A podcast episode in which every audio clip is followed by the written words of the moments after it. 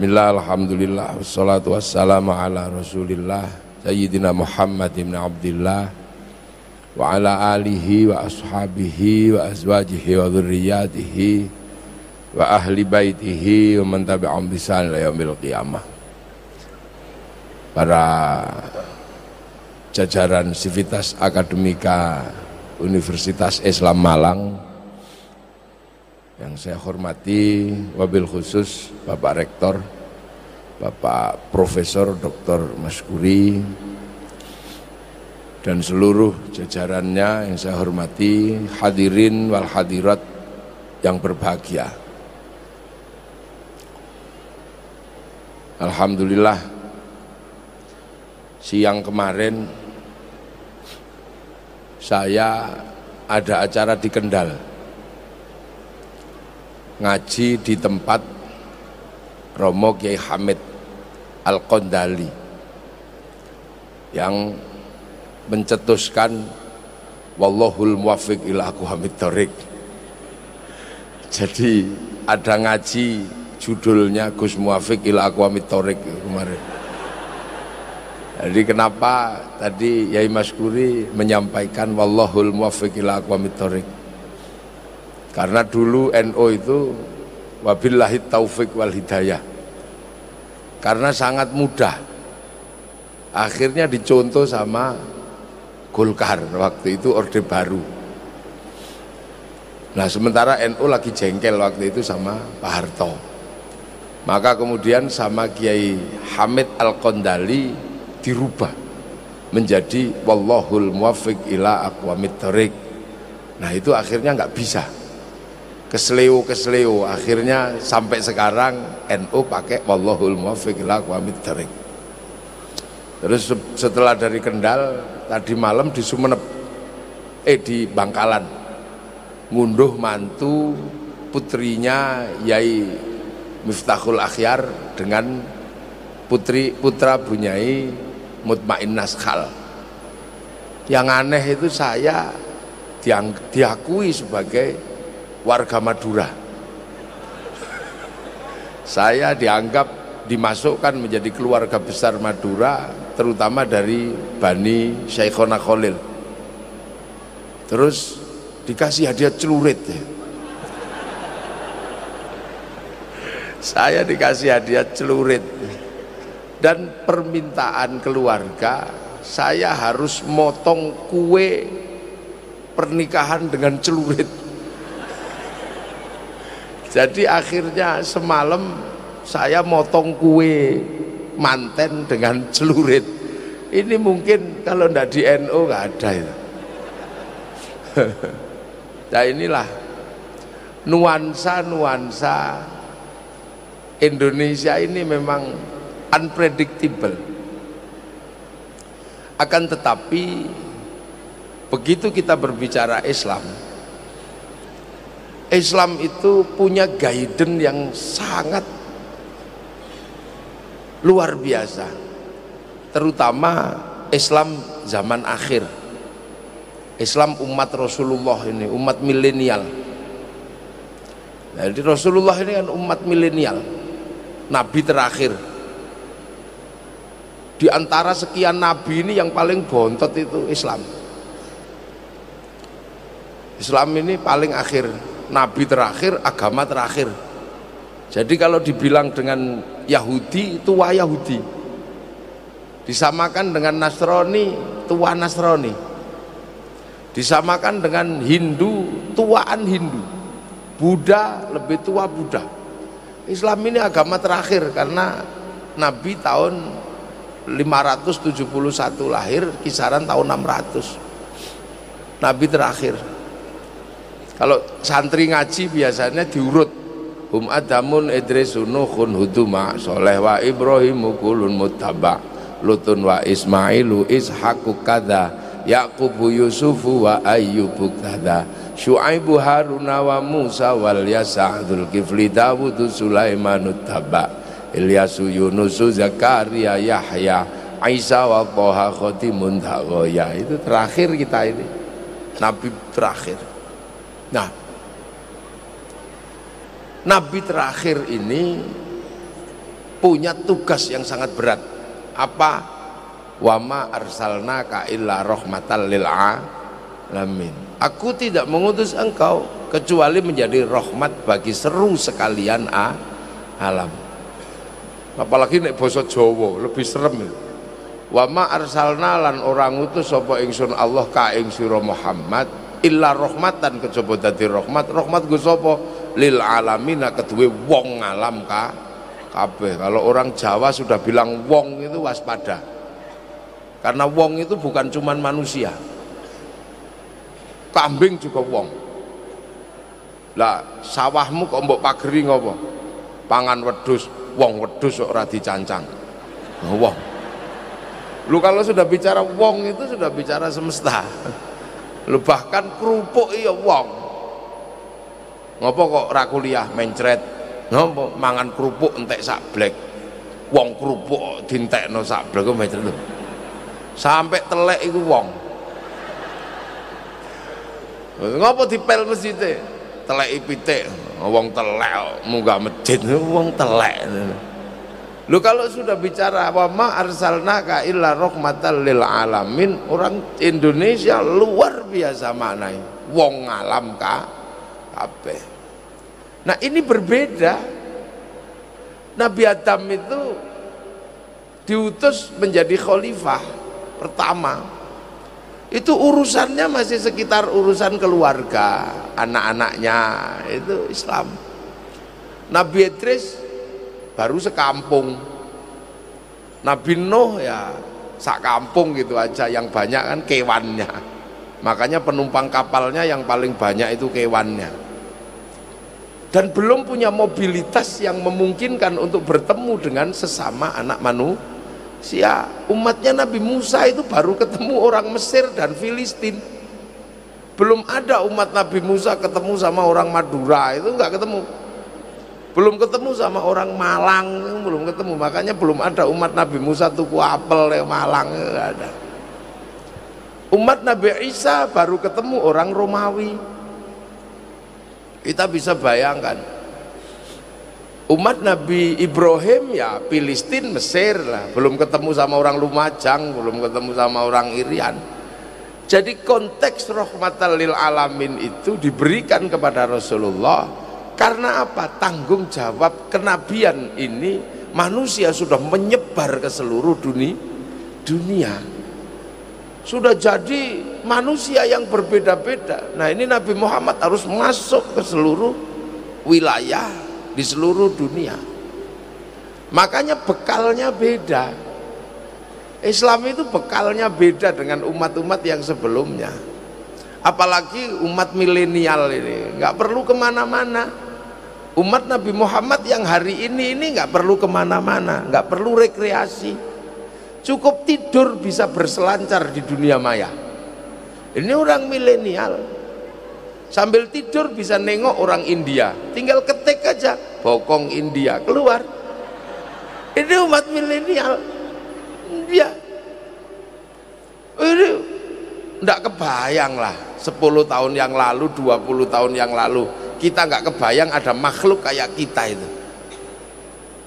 20 tahun yang lalu kita pengen lihat Arab kita pengen lihat Afrika kita pengen lihat India. Itu nunggu flora dan fauna. Nyetrum ke aki gitu. Nanti akinya habis ya mingkup TV-nya kalau nggak ada flora fauna kita nggak lihat Afrika. Sudah ditunggu selama setengah hari begitu keluar Pak Harmoko. Kelompen capir. Kadang keluarnya Pak Murdiono. Eh, itu capek itu. Loh. Sekarang mana ada? Tinggal tidur kita itu. Tengu Afrika keluar. Kinjeng kawin itu keluar. Banser tiba metu artinya apa umat Rasulullah ini memang umat di mana titik pertemuan itu titik pertemuan dunia ini pasti terjadi. Cara wong Jawa ubenging cokro manggilingan wis muter wis tepung gelang. Orang Jerman menyebutnya Zeitgeist. Terus petuk pisan. Ya gimana petuk? Sambil turu. Loh itu maka umat Islam ini bekalnya adalah bekal yang cukup apa? Cukup bernuansa yang disebut bernuansa sosiologi dan antropologi. Contoh ya ini contoh. Ada hal yang paling tidak terjamah. Apa? Urusan manusia dengan Allah. Ini tidak terjamah. Cuman ka'anna katarohu fa'ilam takun tarohu fa'innahu daroh ya udah deh kamu ibadah seolah-olah kamu lihat aku kata Allah. Kalau kau nggak lihat yakin aku lihat kamu. Makanya ketika kita asyhadu an la ilaha illallah wa asyhadu anna muhammadar rasulullah cukup wakafa billahi syahida muhammadur rasulullah. Sebut sama Allah. Asyhadu an la ilaha illallah asyhadu anna muhammadar rasulullah. Nah terus kemudian sholat sholat ini bekal kaum muslimin untuk mengingat bahwa kaum muslimin itu manusia itu berbeda dengan yang lain. Jadi ketika Allah menyebut ya ayuhan nas di manusia. Kita diingatkan bahwa kita ini manusia. Dan manusia itu mesti kembali ke langit. Maka kita disuruh sholat. Sholat itu ngadep ke mana? Ngadep ke piranti pertama yang dibikin Allah di muka bumi ngadep ke Ka'bah Ka'bah itu apa? Inna awwala baiti wudi'a lin-nasi lalladzi bi Makkah mubarakah hudan lil alamin. Jadi ini adalah piranti sosiologi antropologi utama. Agar manusia tidak lepas kalau manusia itu adalah makhluk dari langit yang cepat atau lambat kembali ke langit. Maka disuruh ngadep ke situ. Oh yo iya, so mati habis nengok situ manusia itu disuruh haji. Suruh haji. Islam itu disuruh haji. Nabi sebelumnya nggak disuruh haji. Haji itu nanti puncaknya di mana? Wukuf di Arafah di Arafah. Ketika wukuf di Arafah apa yang dilihat? Jabal Roh Rahmah Jabal Rahmah itu pasti sebenarnya? Manusia umat Islam mesti ke situ. Agar nggak kaget kalau ketemu manusia yang berbeda yang berbeda karena itu titik pertemuan manusia pertama antara Nabi Adam dan Siti Hawa. Suruh nengok situ. Oh ya. Inilah titik awalnya. Maka dipelihara sama Allah. Titik itu agar nanti manusia akhir zaman ini tidak kehilangan kaidah suruh nengok. Oh iya iki jenengane sofa apa jenengane? Apa? Jabal Rohmah itu ini ternyata semua dulu dari sini. Jadi Cina ya dari sini jadi Afrika ya dari sini jadi Eropa ya dari sini jadi Indonesia ya dari sini. Oh iya berarti semua manusia itu titiknya sama. Hidupnya ada oh titiknya kodoh oh dari sini. Sehingga umat Nabi perlu kaget ketika ketemu bangsa yang berbeda, yang berbeda. Oh ya dari sini, karena wajahnya beda-beda. semua. Jadi makanya kaum muslimin ini punya watak tidak pernah membedakan anak bangsa. Kenapa?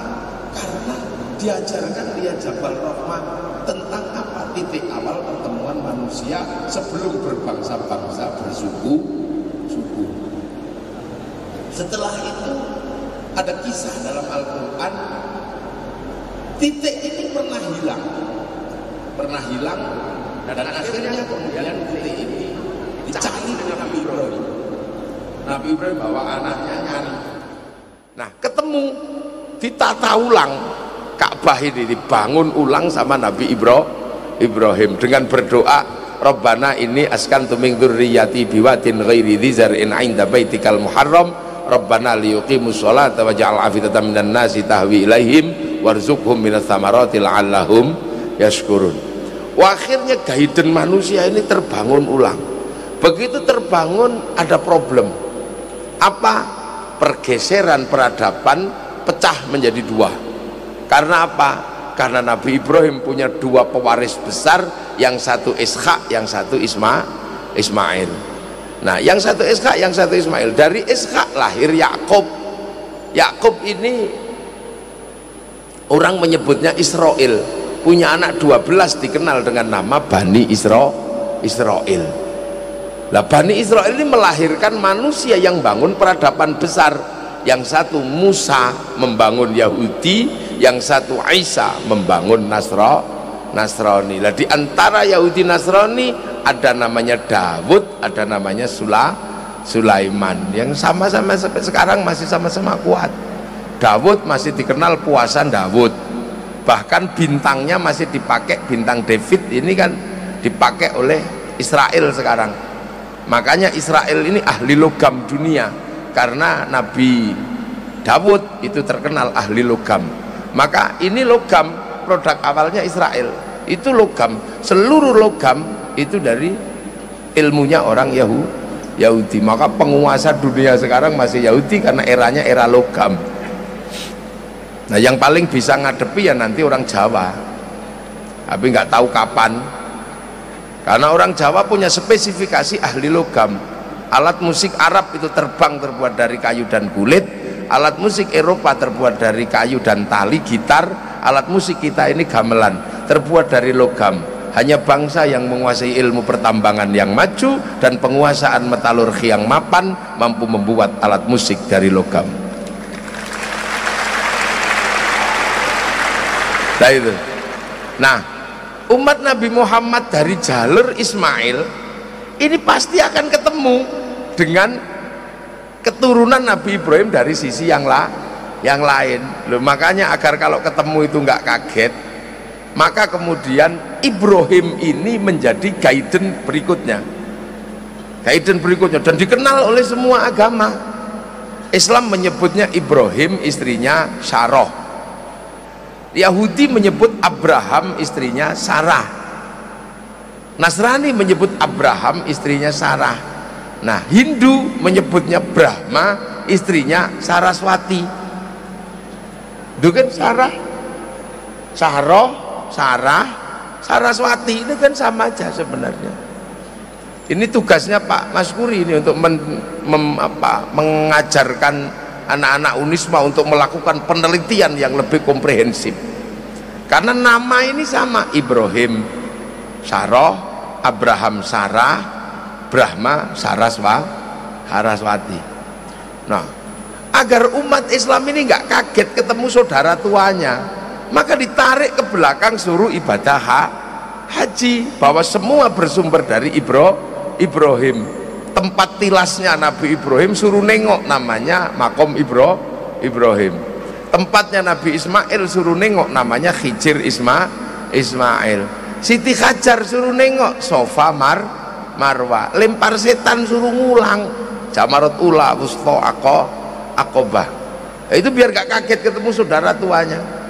Dan harus ada resolusi konflik kalau ketemu makanya kemudian ada subhanalladzi asra bi abdihi lailan minal masjidil haram ilal masjidil aqsa. Kenapa minal masjidil haram ilal masjidil aqsa? Bukan minal masjidil haram ilal borobudur. Linuriyahu min ayatina innahu huwas samiul basir. Kenapa samiul basir? Bukan azizul jabbar. Wong peristiwa segede itu. Sami'un dat yang maha mendengar. Konflik antara Masjidil Haram Masjidil Aqsa. Di Masjidil Haram bangun Rasulullah di Masjidil Aqsa ada Yahudi Nasro Nasrani. Maka kemudian harus ada resolusi konflik antar saudara. Maka kemudian Rasulullah dinaikkan ke langit disuruh sholat. Sholat adalah tata cara kaum muslimin menghadap Allah. Tapi dia harus menjadi resolusi konflik agar Islam mampu bangun peradaban maka terakhirnya kama barok ta'ala sayyidina Ibrahim untuk tidak lupa dengan guidance Ibrahim.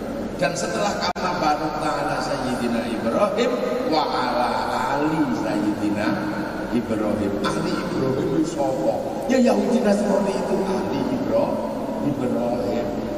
Makanya kalau antar saudara kiblat sudah dipisah jangan ribut jangan ribut saling mendoa mendoakan ini kan resolusi resolusi konflik yang diberikan oleh Allah karena Islam ini agama terakhir Nah ini kadang kita ingat walantar kau akal Yahudi walan Nasoro sebagai tanda dalam ruang konflik di tanah Makkah, tapi kita melupakan wa ala ali Sayyidina Ibrahim. Jadi ada resolusi konfliknya Islam ini.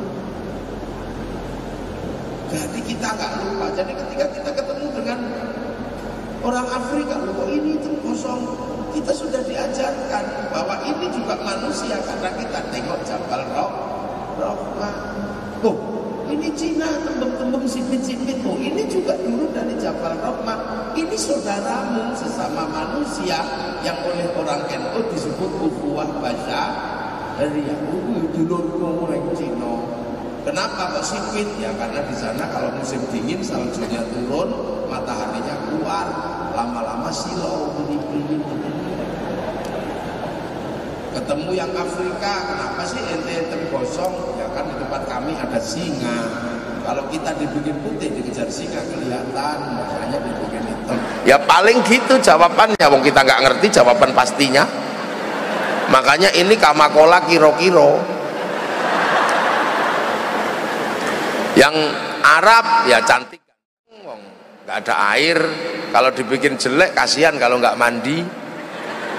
Ya, makanya orang Arab itu walaupun nggak rajin mandi tetap cantik tetap kan ganteng karena memang bentuknya sudah ganteng. Jadi itu kelebihannya orang Arab. Orang Eropa ya tinggi besar rambutnya merah. Karena ada musim dingin biar kalau kedinginan nggak mati itu aja lo kalau musim dingin dibikin kecil gini kedinginan mati. Lo kan kita cuma diminta lita arafu agar kamu mengerti. Agar kamu pengertian maka tidak perlu dijelaskan. Kalau ada penjelasan kita tidak perlu pengertian. Wong ada penjelasannya tapi tidak ada penjelasannya. Wajah alnakum su'uba wa qabaila. Kenapa berbeda-beda? Itu nggak dikasih penjelasan.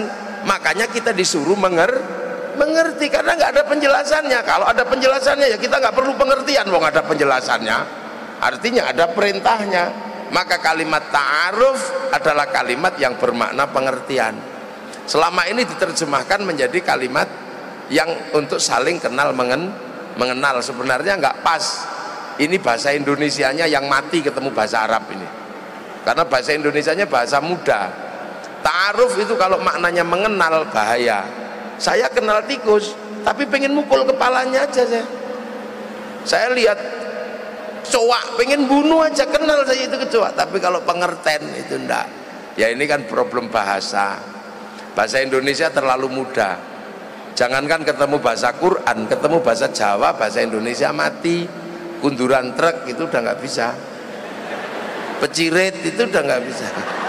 Selusupen udah nggak bisa apalagi polisi. Polisi ini paling berbahaya kalau menggunakan bahasa Indonesia untuk terjemah bahasa Arab. Paling bahaya.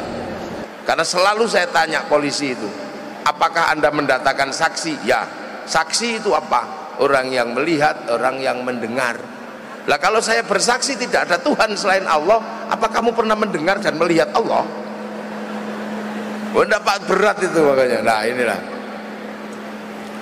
nah orang Eropa ya begitu itu. Kalau kehilangan matahari sinarnya hilang ultravioletnya nggak ada pigmen kulitnya berubah bintik-bintik kayak kulit tekek. Maka mereka harus cari tempat panas untuk berjemur. Makanya orang Eropa kalau ke sini pakai celana pendek terus di pantai-pantai terlentang itu berjemur bukan pornografi. Sampean aja yang ngeres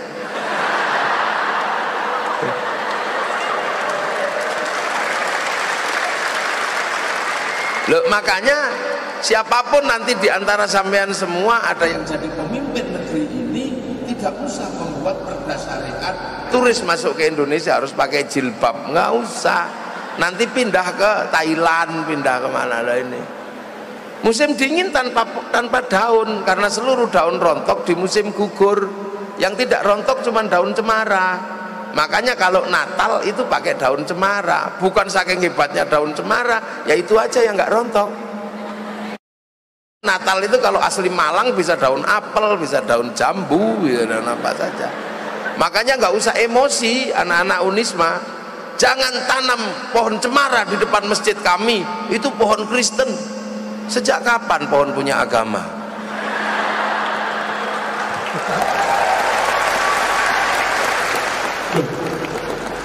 jadi Islam ini sudah diajarkan untuk ketemu dengan manusia berbeda makanya kalau Islam ini ketemu dengan manusia berbeda. Fine fine aja. Biasa-biasa aja nggak usah lemah-lemah Eropa berbeda. Eropa tidak dikenalkan manusia berbeda. Dia manusia kontinental. Dia terkurung di sebuah pulau. Makanya yang dia ngerti manusia itu yang putih aja. Arya aja. Dia nggak pernah tahu manusia itu berbangsa-bangsa makanya setelah perjanjian edit of demarcation dunia dibagi dua Spanyol sama Portugis Portugis melakukan perjalanan terdampar di Tanjung Harapan memasuki benua Afrika. Begitu lihat orang kulit hitam beh, neraka ini. Manusianya Kenapa? Mereka nggak diajarkan manusia berbangsa-bangsa setahu mereka manusia yang tidak patuh sama Tuhan itu disiksa di neraka dan nggak boleh mati maka agar bisa disiksa terus harus setelah kosong hidup lagi. Makanya Christopher Columbus menembaki orang Afrika untuk apa? membantu pekerjaan Tuhan yang belum selesai? Sehingga bagi orang Eropa perbudakan itu halal karena menambah beban para pendosa. Maka kemudian lahirlah perbudakan dari Afrika sehingga lahir kisah yang sangat miris yang sangat tidak enak didengar dan dibaca. Namanya kisah Amistan. Manusia lambung kapal kekapalan orang-orang Afrika dibawa ke Eropa. Masuk ke Amerika. Manusia ditaruh di bawah kapal mati ya syukur. Kalau hidup ya mati ya buang gitu. tapi hebatnya orang Afrika dalam keterjepitan mereka punya sistem komunikasi yang kemudian di, dikenal dengan sistem komunikasi akapela melahirkan sebuah sistem genre musik baru untuk orang Eropa yang oleh orang Eropa diadaptasi menjadi musik jazz setelah jadi musik jazz diadaptasi menjadi musik blues dan dari blues melahirkan musik pemberontakan namanya musik rock masuk ke Indonesia menjadi rock dude Nah, ini dari lambung kapal ini harusnya. Setelah itu ada Eropa yang dikenal dengan perjanjian Tratados de Tordesillas di mana orang Eropa melakukan penyebaran ke seluruh dunia sebelum Saragossa perjanjiannya.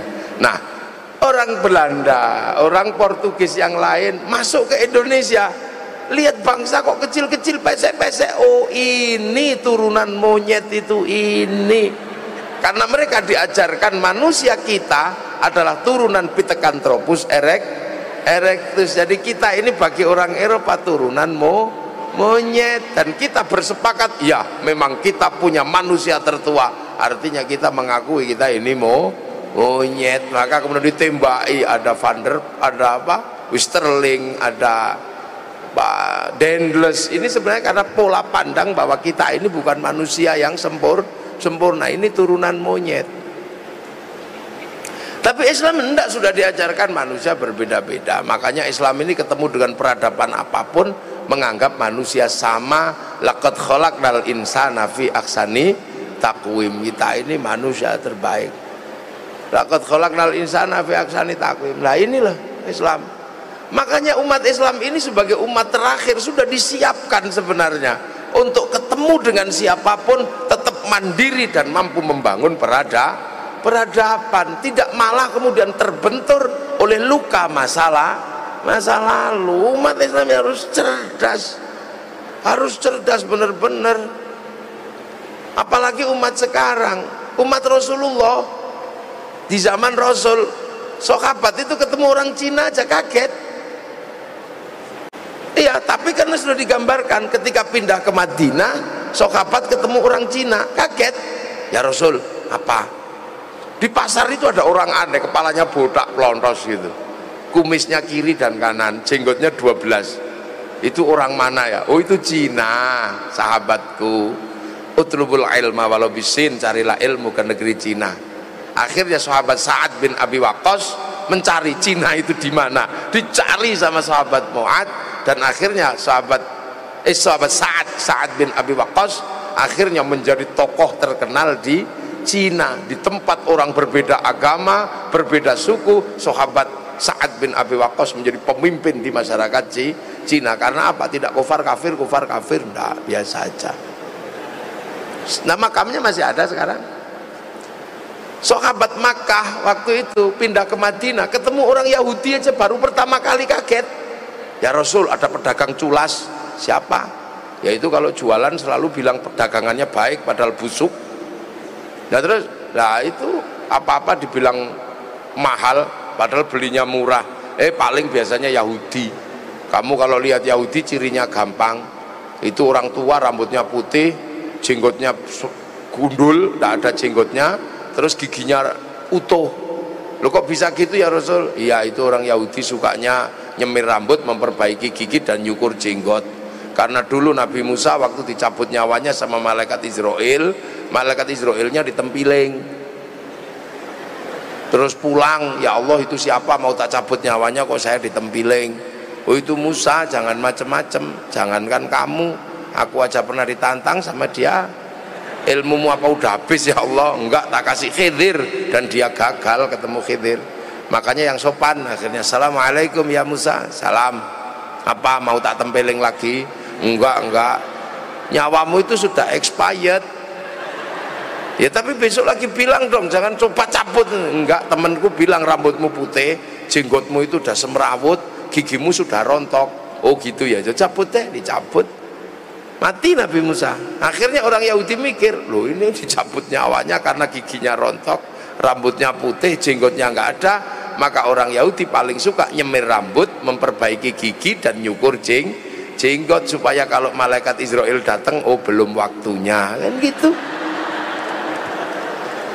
Jadi makanya urusan jenggot itu selalu dikaitkan dengan Yahudi Yahudi. Biar nggak sama sama orang Yahudi panjangkanlah jenggotmu makanya orang Indonesia nggak ribut karena nggak ada orang Yahudi Yahudi. Akhirnya ribut gara-gara Kiai Said mengatakan orang berjenggot itu gob goblok.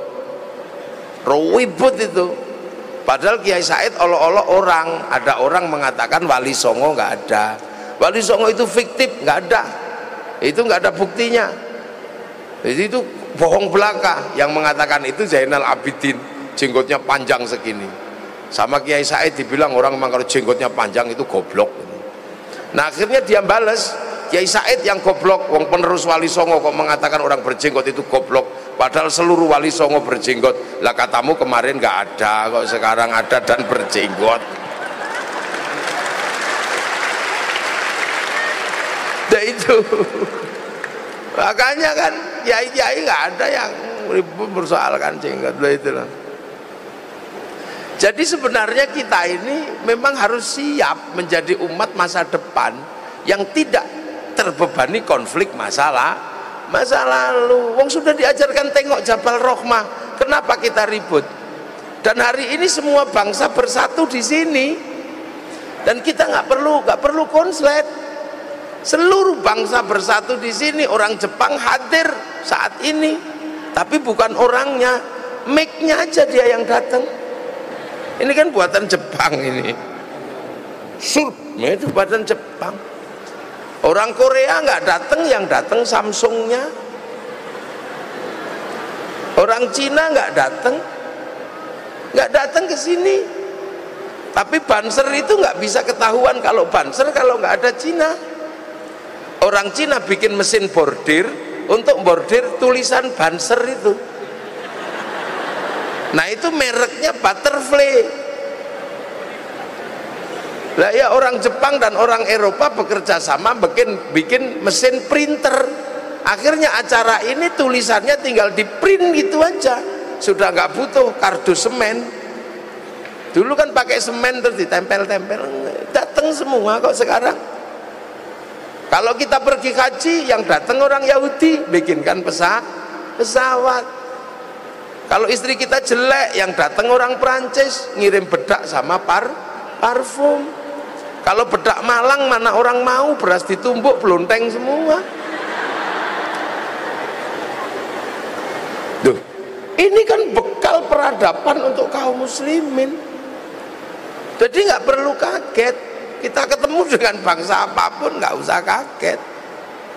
Cina datang malam-malam bawa rokok gudang garam datang Loh makanya santri dan kiai mana ada yang suka kafir? Itu nggak ada. Hancurkan Yahudi. Kiai-kiai alah Yahudi mati kita pergi kajinya renang. Susah. Makanya menjadi manusia yang slow down jadi tenang ya saja alah. Apa? Unisma mana Unisma pernah terus? Hancurkan Yahudi tidak pernah dengar padahal beliau ini alumni langitan orang yang setiap hari ngaji. Pak Paskuri ini walaupun kalau sudah pidato kayak lulusan Eropa itu. Dahsyat. Ternyata lulusan langitan. Loh ini kan ini ini guidance awal umat Islam jadi Islam ini menggunakan sosiologi antropologi dasar untuk menjembatani antara masa lalu dan masa de, masa depan. Dan kita diberikan secara mutlak. Makanya kalau Allahu Akbar ngadep sana ya. Kita ngadep kiblat ngadep ke inna awwala baiti wudi alin nasil alladzi bi bakatam mubaraka nah. terus kurang apa lagi kurang apa lagi? Itu loh kaum muslim muslimin. Sekarang ketemu semua. Dan kita nggak pernah ribut. Makanya itu yang akhirnya menjadi jalan bagi para para ulama. Jalan bagi para ulama ketika mengemban misi rahmatan lil alamin. Mengemban misi rahmatan lil alamin. Sahabat ini enggak terlalu berat paling berat perang itu aja. Tapi mengemban misi rahmatan lil alaminnya masih masih enak. Karena masih sekampung dengan Rasulullah. Masih sekampung sama Rasul. Rasul nyuruh makan tiga jari gitu ya masih bisa bang sama-sama kurma roh roti. Yuk kurban unta masih sama. Lahir unta di sana. Jadi sahabat itu menduplikasi Rasul bisa hampir 100% 90% masih bisa. Wong sama kok. Secara sosiologi dan antropologi masih sa sama. Sama-sama Arab. Hidungnya masih sama-sama mancung. Tanahnya masih sama. Makanannya sama. Istri-istrinya wajahnya juga masih sama mirip-mirip. Jadi nggak terlalu berat. Ada Rasulullah makanya nggak ada majelis kajian Al-Quran itu nggak ada di zaman sahabat. Wong sahabat itu bisa tanya langsung ke Rasulullah. Ada Quran berjalan nah ngapain nanya-nanya? Makanya nggak ada konflik di zaman Rasul biasa aja. Yang rajin sholat dan gak rajin sholat ada jalan keluarnya. Ada yang sholatnya kayak Sayyidina Ali dipanah kakinya nggak kerasa ya ini bagus tapi ada yang senengannya tidur di masjid jarang sholat ya ada. Kalau Rasul datang ke masjid bangun salaman capcuk capcuk tidur lagi ada. Dan nggak menjadi masalah karena masih ada Rasul lo, coba kalau sekarang itu ditempilingi orang kayak gitu. Capcuk capcuk tidur lagi. Coba ada Rasul keluar masjid ditanya ya Rasul kiamat kapan? Nggak usah nanya kiamat. Kiamat itu bekalnya ibadah. Kamu tidur tidur tok sangumu apa? Saya nggak bekal ibadah ya Rasul. Nah bekalmu apa? Ya seneng engkau aja. Hah? Seneng dok? Iya. Kan? Enggak. Cinta kan tidak harus memiliki ya Rasul. Huh? Yang gitu juga ada Ya sudah kalau gitu Rasul berangkat. Ya Rasul jangan pergi dulu. Apa? Aku kan sudah jujur cinta sama engkau. Engkau cinta sama aku enggak? Ya iyalah wong kamu cinta sama aku masa aku enggak? Yes katanya. Apa? Ya kalau Rasul cinta sama aku kan enggak mungkin Rasul ninggalkan aku di neraka. Pasti aku diajak kan ya Rasul? Iya, man ahabbani kana ma'i fil jannah. Ya sudah, yes lari dia Sahabat Abu Bakar dengar kayak gitu kaget. Lu kok nggak modal masuk surga? Apa? Saya dengar tadi itu orang itu nggak modal masuk surga itu gimana? Cuman seneng tok. Iya Abu Bakar. Seneng tok gitu masuk surga? Iya nggak modal. Ya cuman dia itu begitu modelnya.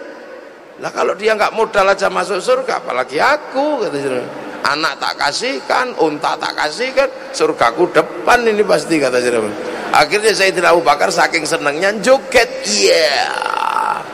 Jubahnya berkembang sampai mengangkat-ngangkat jubah Sayyidina Abu Bakar. Itulah yang akhir, akhirnya jadi manhaj torekohnya Sayyid Jalaluddin Rumi namanya torekoh Maulawiyah yang sekarang lebih dikenal dengan nama Wirling atau Tarisu Sufi. Duh. zaman Rasul nggak ada masalah karena secara sosiologi antropologinya sama. Terduplikasi secara utuh. Jadi kalau dalam teori hermeneutika hermeneutika satu yang namanya real life kenyataan hidup Rasulullah terduplikasi secara utuh. Ya kan gitu? Ya utuh. Tapi di generasi berikutnya sudah nggak utuh. Di hermeneutika keduanya sudah mulai banyak ini. Apa? Di narasi. Di narasinya udah mulai bermasalah. Udah mulai tanya kamu dapat dari mana? Kamu dengar apa dari Rasul sampai ada sistem verifikasi kalimat Rasul yang namanya Rijalul Hadis. Itu ada verifikasi. Itu di hermeneutika kedua setelah real life bersama sahabat.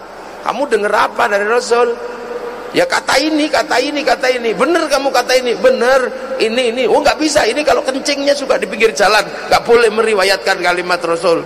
Oh ini suka nipu. Oh nggak boleh. Akhirnya diverifikasi. Rasul kenapa dulu an an an an. Kenapa? Nyuruh. Ya udah tulis deh. Bener kalau dia. Amarona Rasulullah Shallallahu Alaihi Wasallam. Kata nah yang ini. Kata ini ini ini ini apa? Oh itu katanya dilarang. Nggak boleh. Nahana Rasulullah Sallallahu Alaihi Wasallam. Angkada nah ini. Oh ini kata ini kata ini kata ini apa? Anu bareng Rasul. Kun nama Rasulullah Sallallahu Alaihi Wasallam naf'alu. Nah iya mah oh kalau ini kata ini kata lihat tok. Nggak ngapa-ngapain cuma lihat aja. Roa itu Rasulullah Sallallahu Alaihi Wasallam yaf'alu. Nah ini. Oh itu kalau itu denger tok katanya. Nah ini ini nih an sami tu kola Rasul Allah loh itu kan ada sistem verifikasi. Ketika ketemu dengan masyarakat yang berbe yang berbeda. Quran juga mengalami problem sosiologi antropologi di zaman real life bersama Rasul sahabat nggak belajar Quran nggak ada ditulis saja enggak wong apal tapi begitu sahabat ini kehilangan Rasul ketemu tabiin mulai nulis Sahabat Abu Bakar bilang bid'ah. Sayyidina Umar ya kalau bid'ah kayak begini habis nanti Quran, habis mati 71 di rumah Una, numpas Musailamatul Kadzab. Tulis tulis tulis tulis. Abu Bakar gak setuju juga nggak apa-apa, biarin aja. Cari itu anu sekretaris Rasulullah dicari, ditulislah.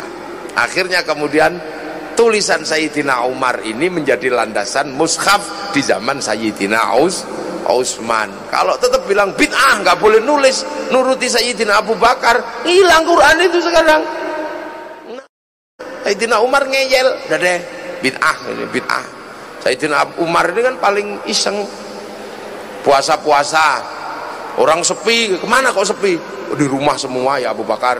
Kenapa? Beribadah total, totality kepada Allah. Waduh, sepi ini Islam. Kumpulin, kumpulin ke masjid kumpulin semua ke masjid baris katanya sahabat Ubay Ubay imami katanya imami apa Umar udah deh dua-dua kamu kan pernah sama Rasulullah dua malam itu Rasulullah mengimami dua-dua itu ya sudah dicoba aja deh biar semuanya nggak kaget. Takut semua sama Sayyidina Umar mau bantah. Akhirnya Allah Akbar dua-dua. Selesai itu. Kok enak ya katanya. Zaman Rasul pernah begini. Ya inilah an'amul bidah. Bid'ahku yang paling nikmat ya ini ini. Taraweh. Sahabat Usman Umar keras orangnya tapi lembut suka iseng. Lah akhirnya apa? Quran ada. Tapi setelah mengalami problem berikutnya. Tabiin ini ditinggal sahabat. Qurannya sahabat terlalu berat karena lo cacing. Kasih titik-titik akhirnya sama Abul Aswad Ad-Du'ali tahun 65 Hijriah. Generasi ini bisa baca titik-titik dok cukup. Generasi berikutnya nggak bisa baca titik-titik toh dikasih sakal fathah kasroh dom domah tidak lagi. Setelah itu nggak bisa baca. Lidahnya beda-beda problem sosiologi. Baca orang Andalusia wadduha jadi wadduhe. Orang Turki mustaqim mustakin orang Padang lakanudek lakanui. Coba. Orang Sunda alladzina alladzina orang Jawa alhamdulillah kamdu ya hayu ya koyum yo kayuku yo kayumu. Orang Bali sirotol sirotol. Ladina namta kedubel orang Bugis alaihim alaihing ini gimana maka kemudian lahirlah disiplin ilmu baru yang ditulis oleh Abu Ubay Qasim bin Salam namanya apa namanya at-tajwid fi qiraatil Quran Loh, ini jadi ini beda-beda geser beda jadi karena apa? Ahli sunnah dan wal jamaahnya ini bergeser. Ahli sunnahnya tetap itu Rasulullah, tapi wal jamaahnya ganti. Dan setiap ganti jamaah ketika ketemu rahmatan lil alamin, ketemu alam yang berbeda, bangsa yang berbeda, yang berbeda. Makanya ya Islam itu biasa. Di bawah Sayyidina Ali ke Persia, ketemu orang Majusi. Orang Majusinya baik, tapi beda agama Akhirnya orang Majusi mengambil menantu Sayyidina Husain. Sayyidina Husain diambil menantu lahir Sayyid Ali Zainal Abidin. Lah orang Persia menyembah api, begitu masuk Islam tidak lagi menyembah api. Api Persia itu punya bangunan tinggi namanya Manaro. Maka setiap api Persia ditaruh di bangunan tinggi bernama Manaro. Begitu ikut Islam apinya hilang, Manaronya ditaruh depan masjid Nah setiap orang lihat Manaro depan masjid kok bagus Maka kaum muslimin pengen bangun Manaro kayak orang Persi Persia. Lahirlah di mana-mana Manaro Sampai Malang namanya Meno Menoro. Nah itu kan api Persia. Makanya Islam itu bertemu dengan budaya yang berbeda Saling mengisi Makanya Rasul hanya mengatakan wa ma arsalnaka illa rahmatan lil alamin. Lah begitu itu kaum muslimin mengalami tragedi terbunuhnya Sayyidina Husain. Dan ini yang menginspirasi budaya masyarakat Islam hampir di seluruh dunia dunia. Peristiwa itu dikenal dengan peristiwa Karbala yang terjadi di bulan Ashura Nah itu menginspirasi di Indonesia. Makanya bulan Ashura sampai ke Indonesia disebut bulan su Suro. Jadi bulan Suro itu sesungguhnya adalah buntutnya Ashura. Karena orang Indonesia kalau ngambil kalimat Arab atau apa pun ekornya saja. Zainal Abidin Bidin. Zainal Abidin Ipin. Muhammad Mat. Itu biasa kan orang Indonesia makanya ada santri Unisma datang ke rumah. Siapa namamu? Matali Kiai. Oh, Mat itu Muhammad bukan Mato Muhammad Ali kamu. Nah ini Mat Rohman Kiai. Oh ini kamu Muhammad Rohman bukan Mat Rohman. Oh, iya Kiai. Mat itu dari Muhammad maka yang panjanglah Muhammad Ali Muhammad Rohman. Oh iya Kiai terima kasih. Saya baru tahu kalau Mat itu Muhammad. Nah rumahmu mana? Malang Kiai Malangnya di mana? Di Noyo. Di Noyonya mana? Itu belakang Muhammad Drosa. Ya kalau madrasah madrasah gitu aja, nggak usah pakai Muhammad Drosa.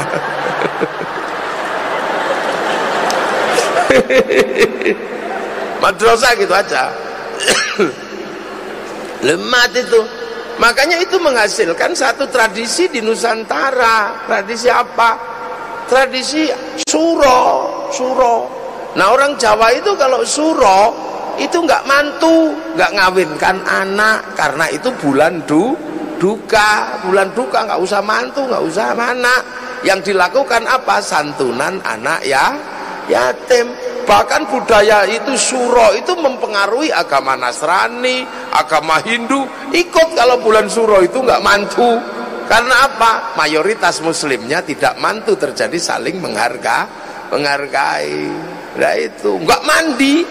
Karena apa? Itu menandakan duka yang dalam buat bulan Asyura di mana cucu Rasul terbu terbunuh. Di Jogja muter beteng tujuh kali nggak ngomong.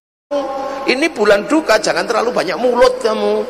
Di Solo ngikuti kebo Kiai Slamet. Untuk apa? Kalau lagi ee dilabur-labur ke tubuhnya. Ini bulan duka jangan berso bersolek. Loh ini kan problem sosiologi. Baru ketika mengadaptasi bulan Asyu Asyuro. Cuman kemudian di Indonesia dibid'ahkan karena ada yang mengatakan bulan Asyuro orang tidak mantu karena hormat nyirorok idul man mantu. Nah ini kejahatan pengetahuan. Yang membelokkan itu namanya ngabdullah. Ngabdullah itu orang bakaran pati nggak kuat jadi santri pindah ikut Belanda. Akhirnya dikenal dengan nama Kiai Tunggul Wulung. Nah itu dia nulis dua serat.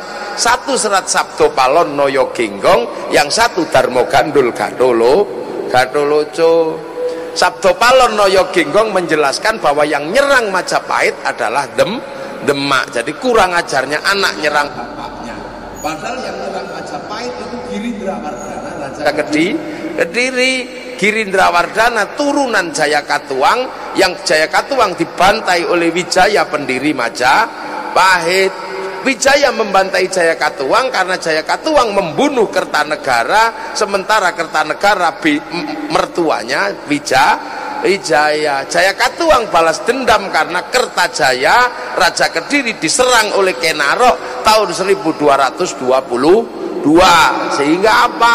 Sehingga kemudian dendam antara Kadiri dan Singasari diselesaikan di zaman Girindra Wardana nyerang Majapahit. Nah Girindra Wardana diserang sama Raden Fatah.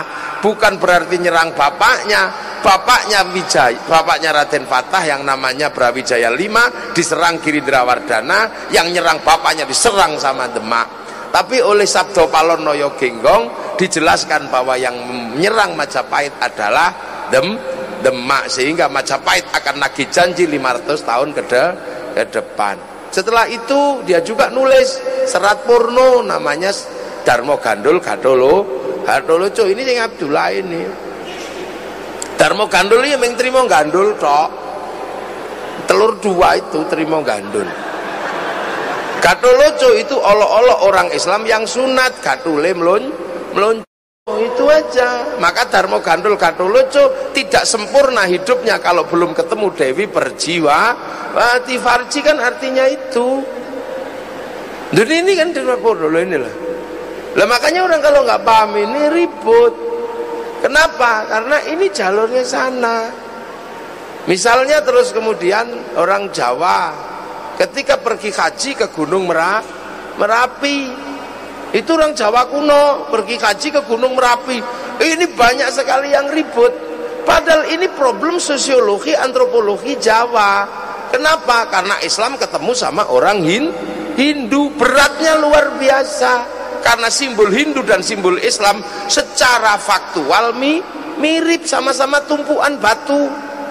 Yang Islam tumpuan batu namanya Ka'bah yang Hindu tumpuan batu namanya Can Candi Nah kalau ketemu langsung haji kaget lu kok sama-sama batu iso konslet. Yang Islam punya namanya Jabal Rohmah, Hindu punya namanya Linggayo. Ini sama-sama tugu batu. Sama-sama kalau perjalanan suci kainnya selempang, satu warnanya putih, satu warnanya ku, kuning. Sama-sama muter ke kiri. Selesai perjalanan suci sama rambutnya, yang satu tahallul, yang satu digun, digundul. Kalau setelah perjalanan sama-sama apa? Motong yang satu kurban satu gad gadri yang satu air zam-zam yang satu air gangga yamuna. Kalau di sini air gunung arju arjuno. Nuwun sama. Ah, daripada nanti konslet ketemu hindu ketemu ajaran brahma ini yang Dewi Saraswati udah deh nggak usah pergi ke sana. Terus ya di sini aja sholat Jumat di masjid saya 41 kali tanpa berhenti nanti pahalanya sama dengan pahala ha, haji akhirnya orang Jawa sholatnya di Gunung Merapi karena satu-satunya masjid ada di Gunung Merah, Merapi Duh. ini yang kadang orang nggak paham nah, di Gunung Merapi saya Jumatil Kubro punya murid punya putra namanya Raden Ibrahim Asmoro Kondi punya putra namanya Raden Rohmat Sunan Ampel punya murid namanya Datuk Ribandang bergeser ke Sulawesi Sulawesi. Lah di sana orang pergi haji ke Gunung Bawakara. Karaeng. Lo ini kan harus dipahami. Ini lo problem antropologi waktu itu. Bukan problem hari ini. Kalau hari ini sudah selesai maka orang pergi haji sampai antri. Tapi zaman segitu langsung haji ke Mekah konslet makanya orang Indonesia itu ngerti Islam tidak ngerti Mek Mekah zaman gitu nggak ngerti Arab. Makanya Islam tetap bisa bertahan dengan corak Indonesia nggak kemarap. Itu aja waktu itu. Mm -mm. sampai hari ini. Dan biasa aja. Ini biasa. Nggak ketemu. Contoh ini orang sana kalau pakai para ulama sana bajunya baju syar'i. Baju dianggap aja baju syariat. Nggak ngerti itu bajunya orang Arab tapi orang sini nganggap itu syariat. Baju jubah itu baju syariat. Makanya dipotong-potong sampai sini karena kalau jubah secara sosiologi nggak bisa masuk untuk para petani. Nah nanam pak padi nih dijubahi ya keserimpet bulat di situ. Makanya dipotong-potong yang atas disebut baju takwa yang di bawah karena baju syar'i disebut syar'un. Karena orang Jawa nggak bisa punya ain punyanya ngomong syarun tadi sarung.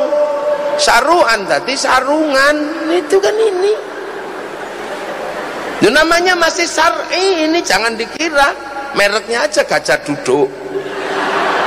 Namanya masih syar'i sarun akhirnya dilinteng ini nyantol di sini lah aurat laki-laki baina surah warubah antara pusar sama lu lutut Nah takbirnya antara dada sama wudel di atas per, perut. Begitu ada cantolannya kiai takbir Allahu Akbar. Gini nyantol. Jadi secara syar'i baju yang paling sempurna itu sarung. Karena terus takbirnya sempurna. Allahu Akbar. Iya. Makanya banyak sekali orang sekarang takbirnya Allahu Akbar. Gini karena nggak pakai sarung takut melorot makanya begini ini nggak ini saking tidak diingkari bahwa jubah itu syar'i maka kemudian orang sini menyebut potongannya nah, sarung lu dari lu ulama-ulama dulu punya problem-problem sosiologi antropologi yang berbeda. Kenapa? Karena ala ulama warasatul ambiya lah pewaris itu daerahnya beda-beda. Ada yang diwarisi Afrika ada yang diwarisi Cina ada yang diwarisi Malaysia ada yang diwarisi Nusantara. Lah Nusantara diwarisi. Ketika bangsa ini sudah jadi bukan bangsa bodoh Islam datang bangsa ini sudah keren. Bangsa ini sudah keren Islam datang itu bukan bangsa tengah hutan. Kita sudah punya segalanya makanya Islam menjadi mudah karena orang ini sudah mengenal tuh Tuhan. Kalau orang Indonesia belum mengenal Tuhan susah dia Islamkan sudah mengenal Tuhan. Mengenal Tuhan dan Islam mudah memahami Hindu karena sama-sama dari ajaran Brah Brahma. Sama-sama ini nggak susah. Loh makanya orang kalau nggak paham sosiologi antropologi Nusantara dia akan jadi aneh. Biasa aja. Orang sini di, di Nusantara ini. Udah udah udah keren bener udah keren zaman segitu. Bahasa surga sudah ada di sini.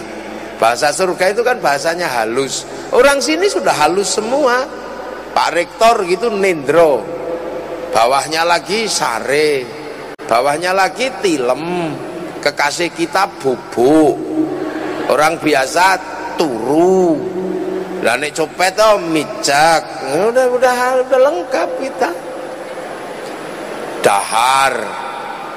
Eh, maem, nguntal, badok, udah lengkap. Mana ada kalimat yang bahasanya satu? Macem-macem penuh strata dan verifikasi bahasa dan detail Arab Rus Inggris Arab Rus, Inggris rice. Orang Jawa lengkap. Kalau masih kecil wine, gede padi, pari. Nek digiling dipanen gabah. Terus digiling beras, sisane dedak. kalau cuil-cuil patah-patah menir buntel godong lontong. Buntel janur kupat. Panjang dikit lebat. Ora dibuntel sego. Gondol cecek siji upo. Silite gosong intip. Lengkap apa udah lengkap. Karena rus ini rice.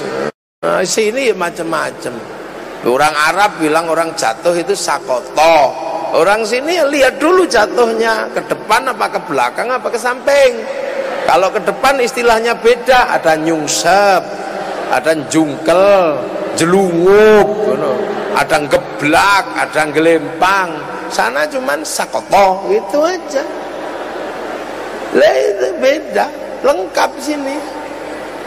Kan gitu. Sana baru diajarkan wala yakhuddu ala amil miskin. Sampai sini udah selesai. Makan nggak makan kum kumpul. Maka setiap ngumpul harus dikasih ma makan. Itu aja. Orang sini lahir makan kawinan makan apa-apa makan. Semuanya jadi semuanya indah. Ada orang di rumah sakit mulutnya mangap nggak bisa makan, ya dibawain maka makanan. Di sana diajarkan lakum dinukum waliyadin. Di sini sudah selesai. Konflik agama sudah lewat. Karena konflik agama terbesar ada di Nusantara. Di dunia yang paling berat konflik agama itu di sini. Perang antara Buddha sama Hindu tahun 820-an antara Wangsa Sanjaya sama Wangsa Sailendra Wangsa Sanjaya dipimpin raja namanya Panuko sampai takut jadi raja karena pamannya lebih keras namanya Garung pindah agama Buddha. Melakukan serangan terhadap orang-orang Sanjaya. Dia bergelar Semaratungga. Kerasnya luar biasa. Sampai akhirnya Panuko itu lari ke India belajar ilmu arsitektur pulang dikenal dengan nama Resi Gunadarma. Resi paling terkenal arsitek Hindu. Tapi begitu Gunadarma ini jadi arsitek, Semaratungga ini sudah menang perang menegakkan agama Buddha sekuat-kuatnya. Begitu mau bikin candi, nggak punya arsitek, goblok semua. Akhirnya cari arsitek ketemu orang Hindu namanya Panuko atau Gunadarma.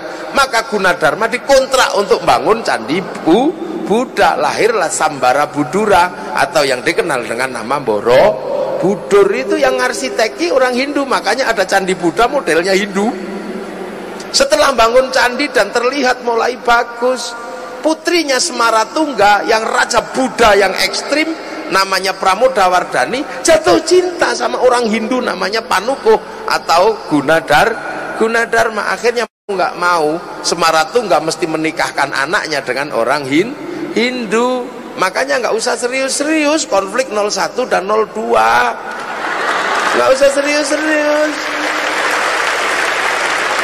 Karena khawatirnya nanti anakmu jatuh cinta dan meni menikah kamu yang pusing udah deh. Karena ini naga-naganya ada kelompok khawarij baru di Indonesia dulu Sayyidina Ali sama Muawiyah begitu bikin tahkim ada yang nggak setuju bikin gerakan lagi. Padahal dulu pendukungnya namanya khawarij. Sekarang ada khawarij baru di Indonesia yang tidak setuju dengan pertemuan Pak Jokowi sama Pak Prabowo. Pak Prabowo ini neo khawarij ini. Ya udah sampaikan aja kayaknya masih orang-orang lama masih orang HTI dan sekitarnya. HTI wa akhwatuha masih ini khawarij baru Udah jangan ikut-ikutan deh yang begitu-begitu. Yang masih memaksa bahwa problem Indonesia ini problem agama. Ya temennya si Sugi dan temennya itu. Ya itulah, maka kita ketawa-ketawa aja. Bersiaplah menjadi khawarij jilid dua. Neo khawarij jangan. Nah setelah itu rukun Begitu rukun yang Hindu dibikinkan candi namanya Prambanan diawasi oleh putra Panuko atau Gunadarma yang saat itu sudah bergelar Rakai Pikatan. Diawasi bikin candi Prambanan oleh Resi Kumbayoni. Setelah itu rukun tapi ledakan besar memaksa pecah. Yang satu wangsa namanya Shailendra geser ke Palembang dipimpin Bala Putra Dewa. Jadi besar karena nggak ribut agama. Sindok ke timur nggak ribut agama maka Daha Kadiri Singosari jadi besar. Oleh Majapahit dirukunkan dalam sebuah kerukunan besar antar bangsa namanya Bhinneka Tunggal Ika. Semenjak itu bangsa ini saling jaga maka kalau kemudian hari Natal ada banser jaga gereja nggak usah kaget. Karena itu adalah warisan asli Indonesia. Orang-orang baru aja yang nggak ngerti makanya usil dia. Karena hidupnya dari konflik ya biasa gitu jangan usah pusing. Ya. Loh, ini problem problem problem besar. Nah jadi kemudian akhirnya ada problem sosiologi kayak saya ini misalnya kalau di Arab sana panjang gelarnya Pak Mas Guri. Al-Syekh, Al-Fadil, Al-Alim, Al-Allamah, Hadratul Mukarram, Hadratul Syekh, tepau panjang. Sampai sini ya kiai gitu aja. Gak usah panjang-panjang. Kiai itu ya udah kiai gitu aja. Makanya kiai itu bukan bahasa Arab. Makanya kalau ngumpul dibahasakan dengan kuyaha ya nggak pas anak kiai Gus kok ngumpul jadi gawagis? Ya nggak pas wong itu bahasa lokal bukan bahasa Arab. Nah para peneliti antropolog antropolog Eropa Clifford Gate ya Martin Busines termasuk Dennis Lombat ketika sudah mengerti bahwa oh ulama Indonesia itu sebutannya kiai sesuai dengan bahasa yang terkait dengan sosial Nusantara begitu masuk sini membayangkan kiai itu manusia kaget lagi. Karena begitu masuk sini kiai itu bukan cuma manusia. Ada kebo kiai selamat ada tombak kiai pleret ada kiai semar baru ada kiai haji. Loh itu baru kaget. Loh kok bisa. Akhirnya kemudian kegagalan memahami lahirlah konsep santri priayi dan abang abangan. Itu kan karena problem salah memahami kiai. Karena kiai ternyata ada kebonya. Waktu di sana pede, oh saya harus ketemu kiai. Karena masyarakat Nusantara menyebut ulamanya dengan sebutan kiai. Ini kan dari ini Cesno Gurgronya tapi begitu masuk sini kaget loh, kiai ini beda-beda. Sama kayak sekarang orang pasti bingung. Begitu masuk Malang semua produk roda dua itu Honda. Bingung semua lu kok Honda kabeh? Hondamu apa? Mio. Lu ki Honda kok Mio? Hondamu apa? RE King. Lu ki Honda kok RE King? Setiap produk mie instan sari sarimi, beli sarimi metune mie sedap. Nih susah setiap produk pompa air sa sanyo, padahal dap. Itu di Nusantara biasa saja. Setiap produk pembalut softtek. Lalu setiap produk jeans lepis. Itu kan kita nih makanya orang enggak usah pusing. Loh. Lah ini jadi ada hal-hal besar Sholat ya sembayang gitu. Nah sembayang ya ada yang ke gereja, ada yang ke masjid, ada yang ke pura. Musola langgar. Nah ini ini apa yang terjadi sesungguhnya? Ini sesungguhnya adalah karena harus ketemu dengan peradaban yang sudah ma maju. Sementara Islam mengajarkan mataluhum fit Taurat wa mataluhum fil Injil kazar'in. Islam itu seperti tanaman, maka ya tanam gitu aja. La in akhraja syat'ahu fa azarahu fastaghladu fastawa ala suqih ya'jibu zurra al bihimul kuffar. Tanaman yang anak sama mboknya berhamil bareng. Itu padi dan beranak bah, berbuah bareng. Itu ya padi itu. Nah, maka nanamnya seperti nanam padi gitu aja orang dulu. Makanya untuk menanam ya ditanam tidak di atas tanah, bawah tanah, agar nggak ribet. Maka kemudian setelah ditanam Allah pangeran ya pangeran di Ponegoro musola langgar di bawah aja. Setelah ditanam kemudian bikin simbol lir-lir tanduri musuh milir. Apakah tanaman padinya sudah tumbuh? Sudah.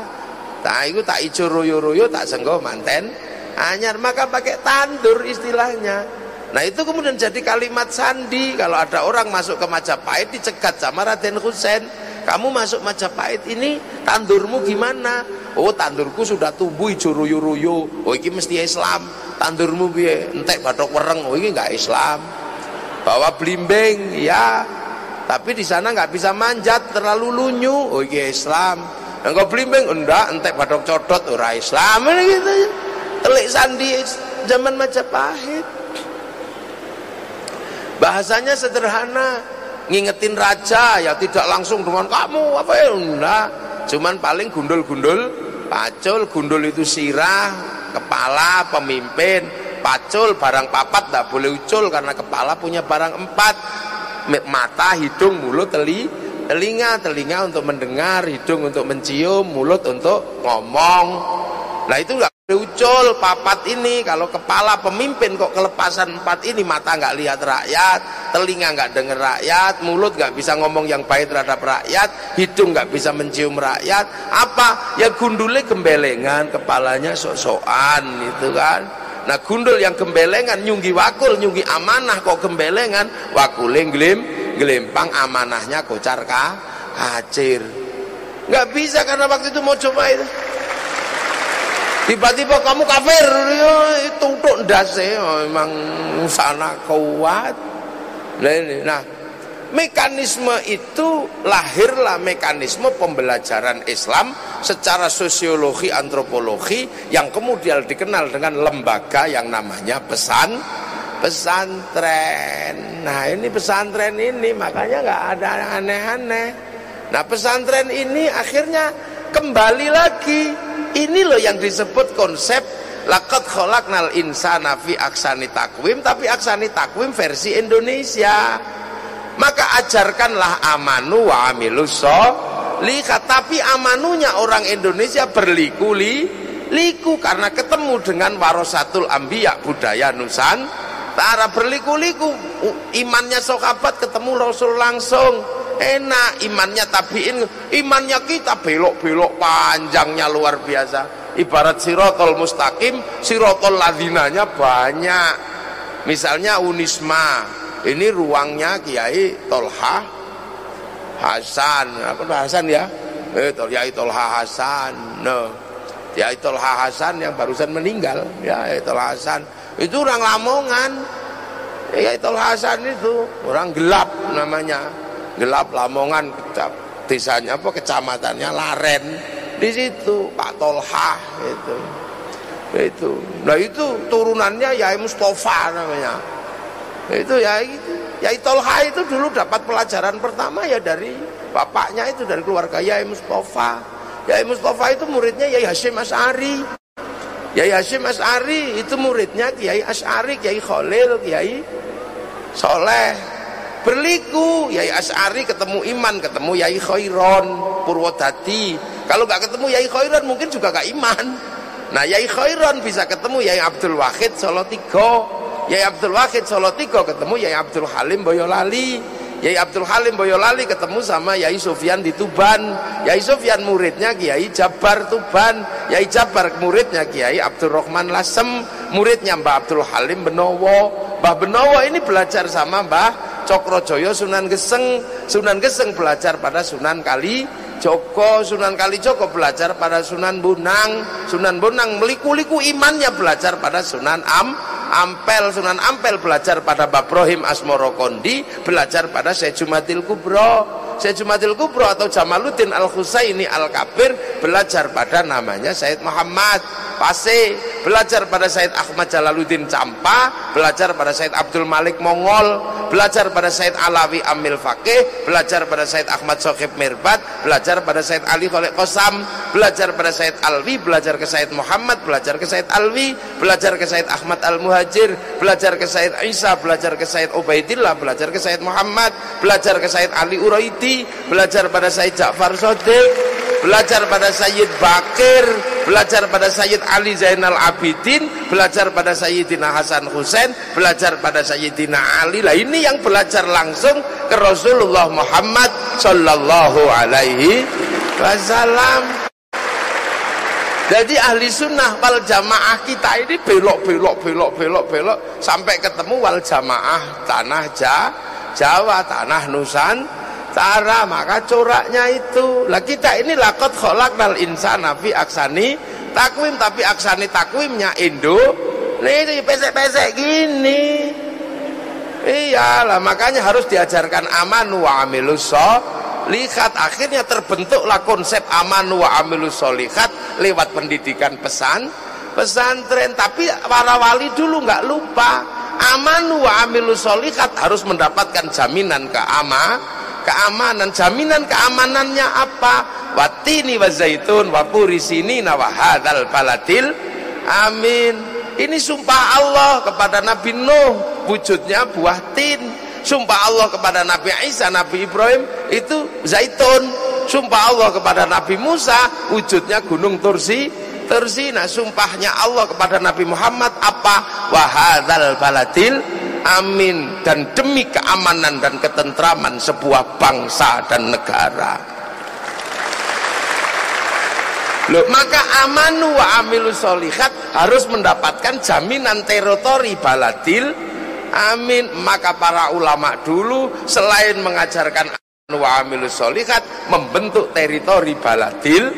Amin. Caranya apa? Kerajaan Islam nggak bisa masuk maka dibentuklah model baru namanya musyarakah yang dikenal dengan bahasa masyarakat kalau sudah musyarakah masyarakat harus saling bertanggung jawab, bukan raja dan hamba, tapi antara raja dan hamba harus saling bertanggung jawab. Dibentuklah model masyarakat baru dengan sistem Rasulullah, kullukum ra'in wa kullu mas'ulun an ra'iyati, maka raja dan hamba dihilangkan menjadi ra'iyah yang sekarang diserap menjadi ra rakyat kalimat ra'iyah atau rakyat untuk menyebut warga negara Nusantara adalah ajaran Rasulullah Muhammad sallallahu alaihi wasallam.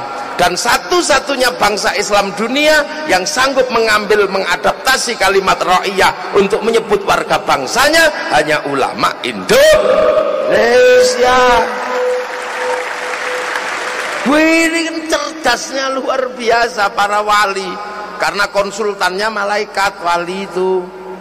Wali itu kan kalau download program kan lama.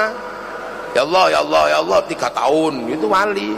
Kalau kita diajak download nggak kuat. Ya Allah ya Allah ya Allah ya Allah. Maka kita nggak punya program dan nggak punya wifi. Makanya senengannya cari wifi gratisan ilah hadroti ilah ruhi itu kan sebenarnya ngakses program wifi gratisan. Kalau ada kiai datang barokah barokah barokah. Itu kan sebenarnya cari wifi gratisan aja. Nah ro'iyah ini orang tidak dihilangkan basic. Indigenous people-nya nggak dihilangkan. Indigenous knowledge-nya nggak dihilangkan. Karena apa? Para wali nggak pengen menghilangkan itu. Maka ro'iyah tetap boleh menyebut dirinya kulo karena dia sebenarnya kawu kawulo yang hamba masih boleh menyebut dirinya ambo yang hamba sahaya masih boleh menyebut saya. Yang pukulun ulun.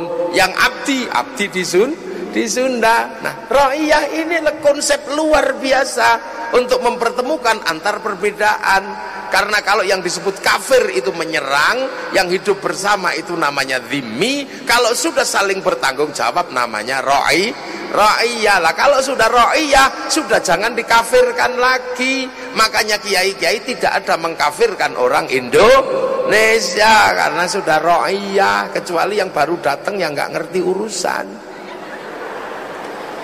Lah ra'iyah itu kalau ngumpul wasyawirhum fil amri musyawarahkanlah. Maka lahirlah bahasa musyawarah musyawarah kalau musyawarah jangan menang-menangan sendiri. Tafassaku fil majalis fafsaku yafsakillah maka ruang musyawarah namanya maj majelis nah kalau sudah musyawarah majelis jangan lupakan angkat pemimpin dengan standarisasi wasi'a kursi samawat. Maka kedudukan pemimpin namanya kur kursi. Lah ini prototipe Ali di Nusantara. Yang bergerak ke Kalimantan namanya Khatib Dayan murid Sunan Bo Bonang. Yang bergerak ke timur Aryo yang bergerak ke Sulawesi namanya Datuk Ribandang murid Sunan Am Ampel yang namanya Aryo Abdillah murid Sunan Ampel bergerak ke Palem Palembang membangun sistem musyarakah, sistem ra'iyah, sistem musyawarah, sistem majelis, sistem kursi. Belanda datang tiba-tiba. Apa yang terjadi? Dilawan secara bersama-sama oleh konsorsium besar murid-murid penerus para wali. Hasilnya apa? Belanda pergi, maka kawasan ini disebut wilayah. Artinya apa? Daerahnya para wali wali dan tanah itu wilayah itu disebut negara kesatuan Republik Indonesia Lah itu maka lakot kholaknal insana fi aksani taqwim thumma radadnahu asfala safilin illal ladzina amanu wa amilus membentuk sebuah konsep besar yang disebut Nahdlatul Ulama. Lah baladil aminnya membentuk konsep besar NKRI. Alladzina amanu wa amilus ahli sunnah wal jamaah. Konsep baladil aminnya apa?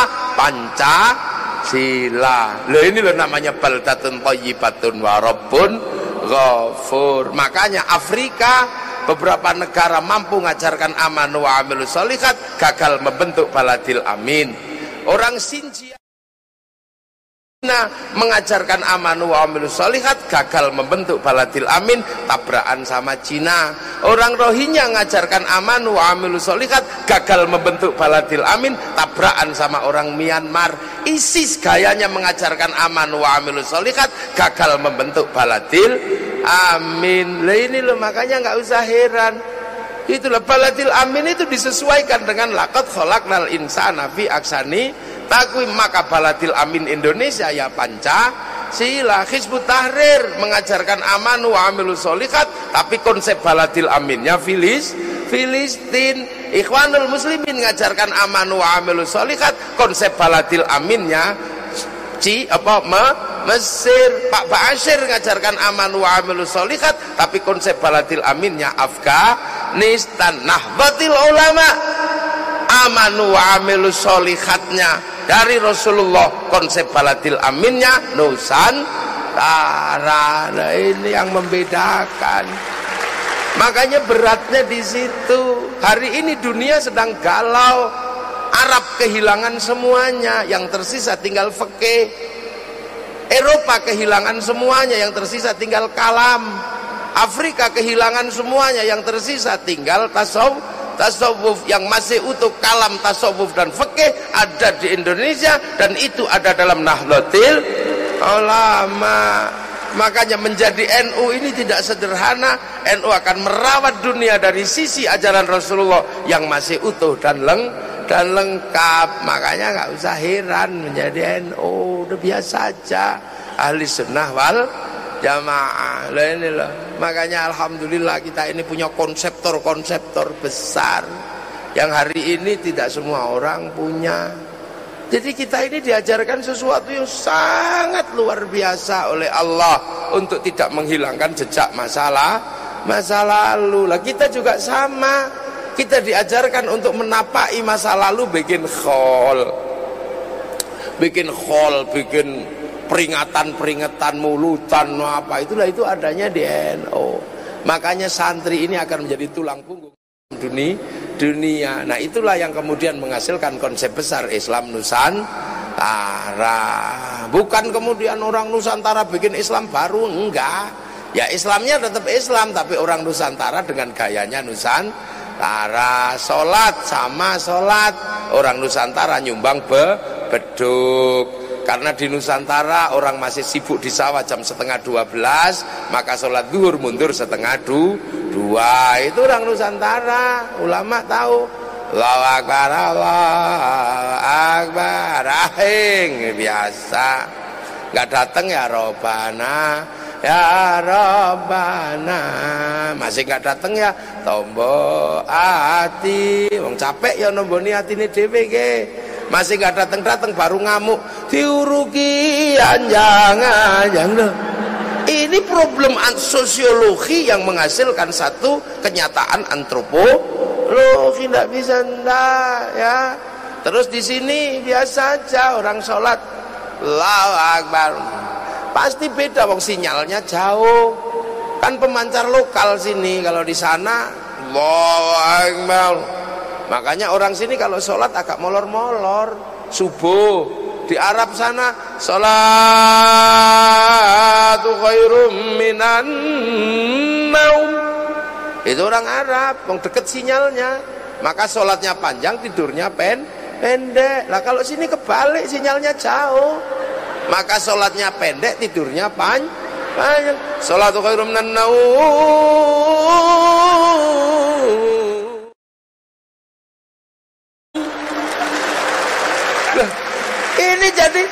Antropologi Islam itu sangat erat hubungannya dengan sosiologi Nusantara.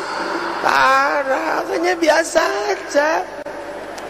Lah ya kan? Maka kemudian belajar la la ilallah la la ilallah la la ilallah kenapa sih gede-gede kalau zikir ya kan kita bukan sahabat. Kalau sahabat zikir diem masuk wifi-nya Rasulullah. Apalagi kalau di tethering ya online nah kalau muridnya ulama kok ikut diem ya tidur. Puasa. Ini puasa ini adalah apa? Teks ajaran. Tapi menghasilkan problem sosiologi antropologi. Kalau orang nggak paham ada urusan sosiologinya. Khaitil abyadi khaitil aswati sinar putih dan sinar hitam. Di sini nggak kelihatan. Kehalang sama gunung semeru. Kehalang sama jambu kalau di Arab langsung kelihatan karena padang pak pasir maka biar orang sini nggak bablas pakai im imsak imsak peringatan terus di sini hawanya dingin kata kiainya kalau kalau puasa jangan melek kamu tidur aja. Karena kalau melek bahaya. Karena orang sini keluar rumah lihat jambu lihat mangga. Orang Arab lihat padang pak pasir nggak ada orang pengen makan padang pasir nggak ada orang sini pengen jambu pengen mangga depan rumah daripada kamu nggak khusuk tiduro lah kalau tidur dalilnya apa Kiai? Naumuso imin ibadatun. Tidurnya orang puasa itu ibadah, ibadah. Iya, akhirnya kiainya sepi. Begitu kiainya sepi, akhirnya kiainya ke pasar beli mer mercon. Akhirnya di sini dator-dator mer mercon. Tidur di sini kalau malam nyenyak karena hawanya dingin maka takut kebablasan anak-anak kecil sahur ora sahur sakarepmu. Sahur ora sahur sakarepmu. Ini kan sosiologi agama sebenarnya antropologi agama muncul di tempatnya para ulama karena kondisinya berbe berbeda. Nah habis itu halal bi halal. Kenapa? Anak kita melempari tangga mangganya mentok kita ee -e di halaman tetangga lah itu harus ada. Saling memaafkan. Si yang melahirkan problem sosiologi apa? Latihan dulu. Karena ngantrinya terlalu lah lama 26 tahun maka ada haji palsu. Di mana? Di alun-alun Kabupaten Ma Malang. Lambai kalau kerja. Kabarnya triplek terus menghasilkan satu budaya pergi haji diantar pakai bis sekampung pergi ke Surabaya. Yang haji masuk apa? Masuk asrama yang nganter belok kebun binatang Surabaya. Nah, biasa aja. Ini kan negeri yang jauh. Jadi ahli sunnah wal jamaah ini sebenarnya adalah penjelasan yang sangat panjang bagaimana Islam ketemu dengan sistem sosiologi dan sistem antropologi. Ini yang akan membentuk karakter Islam rahmatal lil alamin. Itu aja jadi nggak usah ribet lah ya. Nah itu yang bisa saya sampaikan. Semoga ada manfaatnya. Fatihah الذين أنعمنا عليهم المغضوب عليهم ولا الضالين آمين اهدنا الصراط المستقيم السلام عليكم ورحمة الله وبركاته